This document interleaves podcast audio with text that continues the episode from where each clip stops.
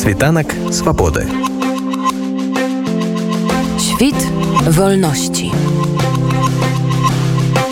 Беларускі фотожурналіст Яўген Адцецкі з пачатку пратэста ў знакамітым мінскім двары, што атрымаў народную назву плошча пераменаў, стаў яго летапісцам. Яўген быў жыхаром двару і на ўласныя вочы назіраў і удзельнічаў у шматлікіх натхняльных і трагічных падзеях, якія адбываліся там. Да другой гадавіны з'яўлення мурала плошчы пераменаў Яўген разам з аднадумцамі выпускаюць кнігу, прысвечаную гэтаму нескаронаму двару і ягоным жыхарам. Евген Отцецкий распавёў моей коллезе Елене Приходько историю стварэння книги. Я практически с самого первого дня начал снимать это место, и это такой удивительный случай, когда история сама тебя находит, а не ты находишь историю. А в моем случае это случилось благодаря тому, что я вот жил, по сути, на площади перемен, и как многие жители этого района 11 августа я открыл окно и услышал просто, как люди светят фонариками, как люди кричат.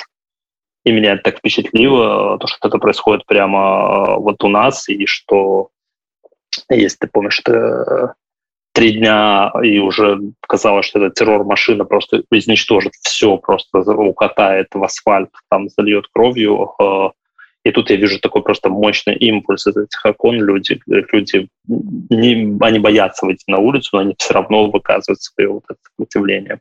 И с этого момента начала развиваться там активность, и я как гражданин, конечно, очень переживал за то, что там происходит, я тоже начал ходить. А после я как фотожурналист понял, что, конечно, это история, которую нужно запечатлевать.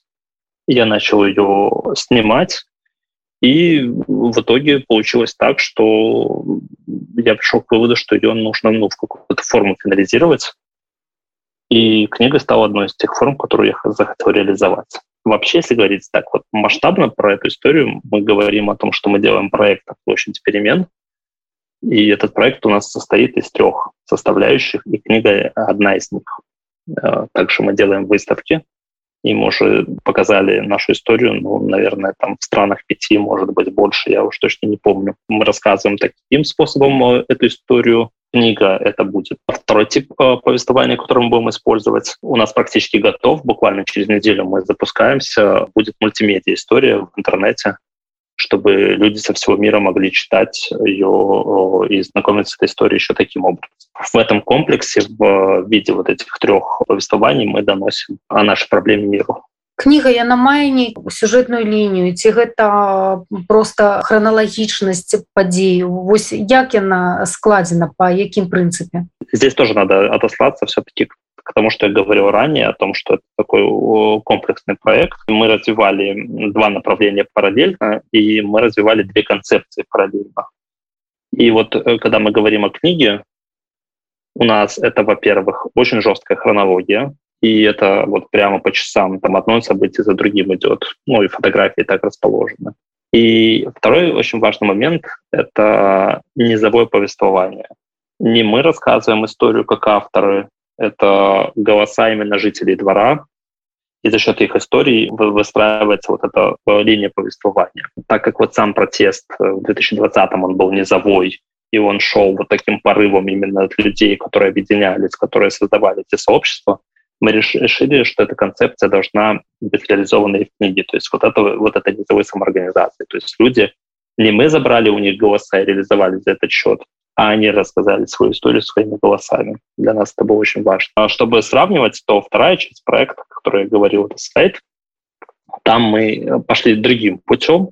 Там мы решили вычленить важные главы, важные события и рассказать историю уже более структурированно именно не по хронологии, а по темам. И мы мыслим так, что проект очень круто э, будет воспринимать именно комплекс. То есть сайт дополняет книгу, книга дополняет сайт. И если ты хочешь немножко больше деталей, ты идешь на сайт. Если ты хочешь больше личного, ты идешь в книгу. Да, вот так это должно работать. Ну, посмотрим, э, время покажет, у, удастся ли наша задумка, но мы очень верим, что оно будет хорошо.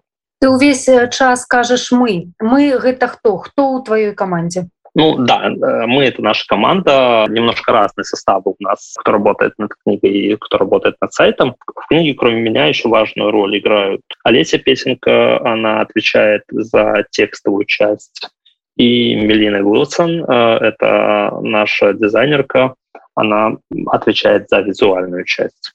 Э, также нам помогали адаптировать тексты Оля Бубич с английской версией и Кристина Бандурина с э, белорусскомовной версией. И ну, мы обратились здесь, опять же, к специалистам, чтобы это делали профессионалы. Я, наверное, сам бы тоже там перевел на белорусскую мову э, тексты, но решил, что это должен делать человек, который э, очень круто это делает. Это касается английских текстов тоже и текстов основных не я делал, а помогала мне обрабатывать интервью Леся, и мы потом вместе эти тексты склеивали, делали вот этот нарратив, чтобы он был, просто выбирали кусочки, чтобы это все было идеально. А визуально помогала нам структурировать концепцию Милина. Абсолютно тоже потрясающий специалист. Як вы найшлі один одного я маю на увазе твоя команда? Вот в конце 2020 года я увидел что есть э, конкурс проектов от про гельвеции это швейцарская организация. И я послал заявку со своей книгой и мне сказали что я могу участвовать в этом проекте. И дали мне дизайнера. Мы должны были у нас было условие чтобы за 10 встреч разработаем книгу и перейдем к следующему этапу, переговорам с типографией и так далее, но в итоге наш проект растянулся практически на полтора года, и эти 10 встреч превратились, наверное, в 40 или в 50, там какой-то бесконечный поток, но, в общем, так надо было, чтобы этот проект сделать. Это раз, а во-вторых, ну, те обстоятельства, в которых мы делали, они постоянно менялись. Мало того, что я дважды терял дом, в первый раз э, вынужден был ехать из Беларуси, летом 21 года, потом покидал Киев, когда там началась война и вынужден был переехать во Львов. Это все, конечно, сказывалось на, на рабочем процессе.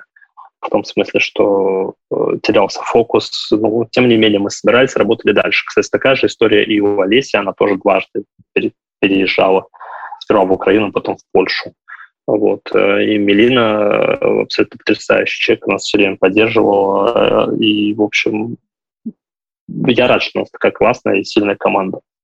Скажи, калі ласка, я так разумею, ўжо кніга дзесьці на апошнім этапе. Калі плануецца і выхад, якім накладам і ці плануюцца прэзентацыі, якія можна будзе ідзе набыць? Да, у нас последний этап, и если все сложится, то на этой неделе мы отдаем книжку в печать типографии, и я просто очень-очень волнуюсь. Это прямо, это моя первая книжка, и понятно, что мне кажется, что что-то пойдет где-то не так, и, ну, и, в общем, это же так серьезно делать книгу, и, ну, это не просто написать там в моих представлениях э, пост в Фейсбуке, это это физический носитель, это, это можно читать, смотреть, держать в руках, это то, что люди будут с собой, возможно, брать там в путешествие или в кафе почитать и так далее, или вечером а, будут выбирать время, чтобы побыть с этой книгой. Ну, мне кажется, это очень круто, конечно. И поэтому я очень волнуюсь, я честно признаюсь. Мне хочется, чтобы все получилось отлично.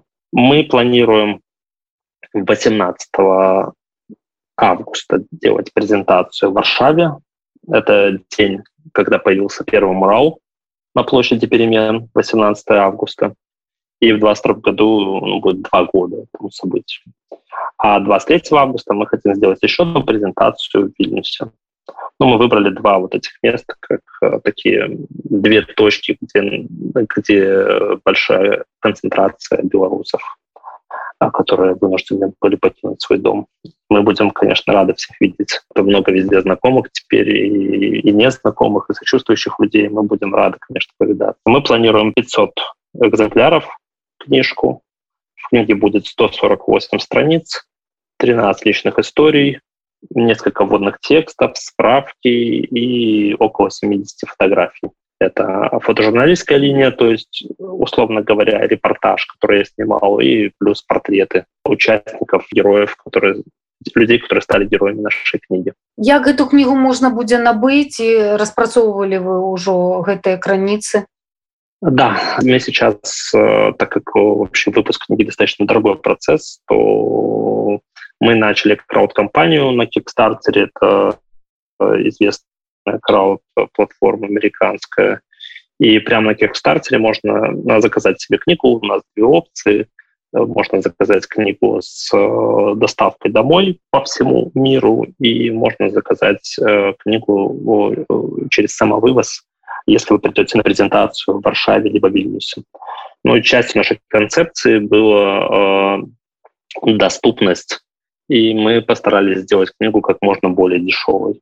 Мы используем очень классные материалы, классные бумаги, и, в общем, она не дешевая в производстве, но при этом она будет стоить всего 20 евро и плюс 10 евро доставка. И это цена для тех, кто поддержит нас на Kickstarter, кто поможет нам собрать деньги на печать. Я думаю, что после того, как книга выйдет, э, ну, остав, оставшийся тираж будет стоить дороже, конечно специальная опция, чтобы э, книгу мог заказать любой желающий.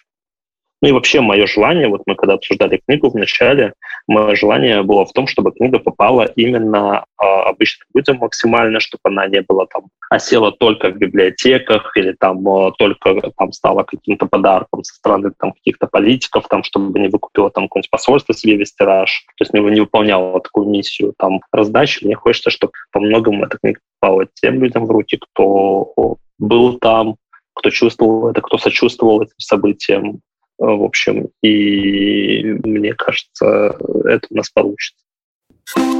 Світанак свободы. Świt wolności.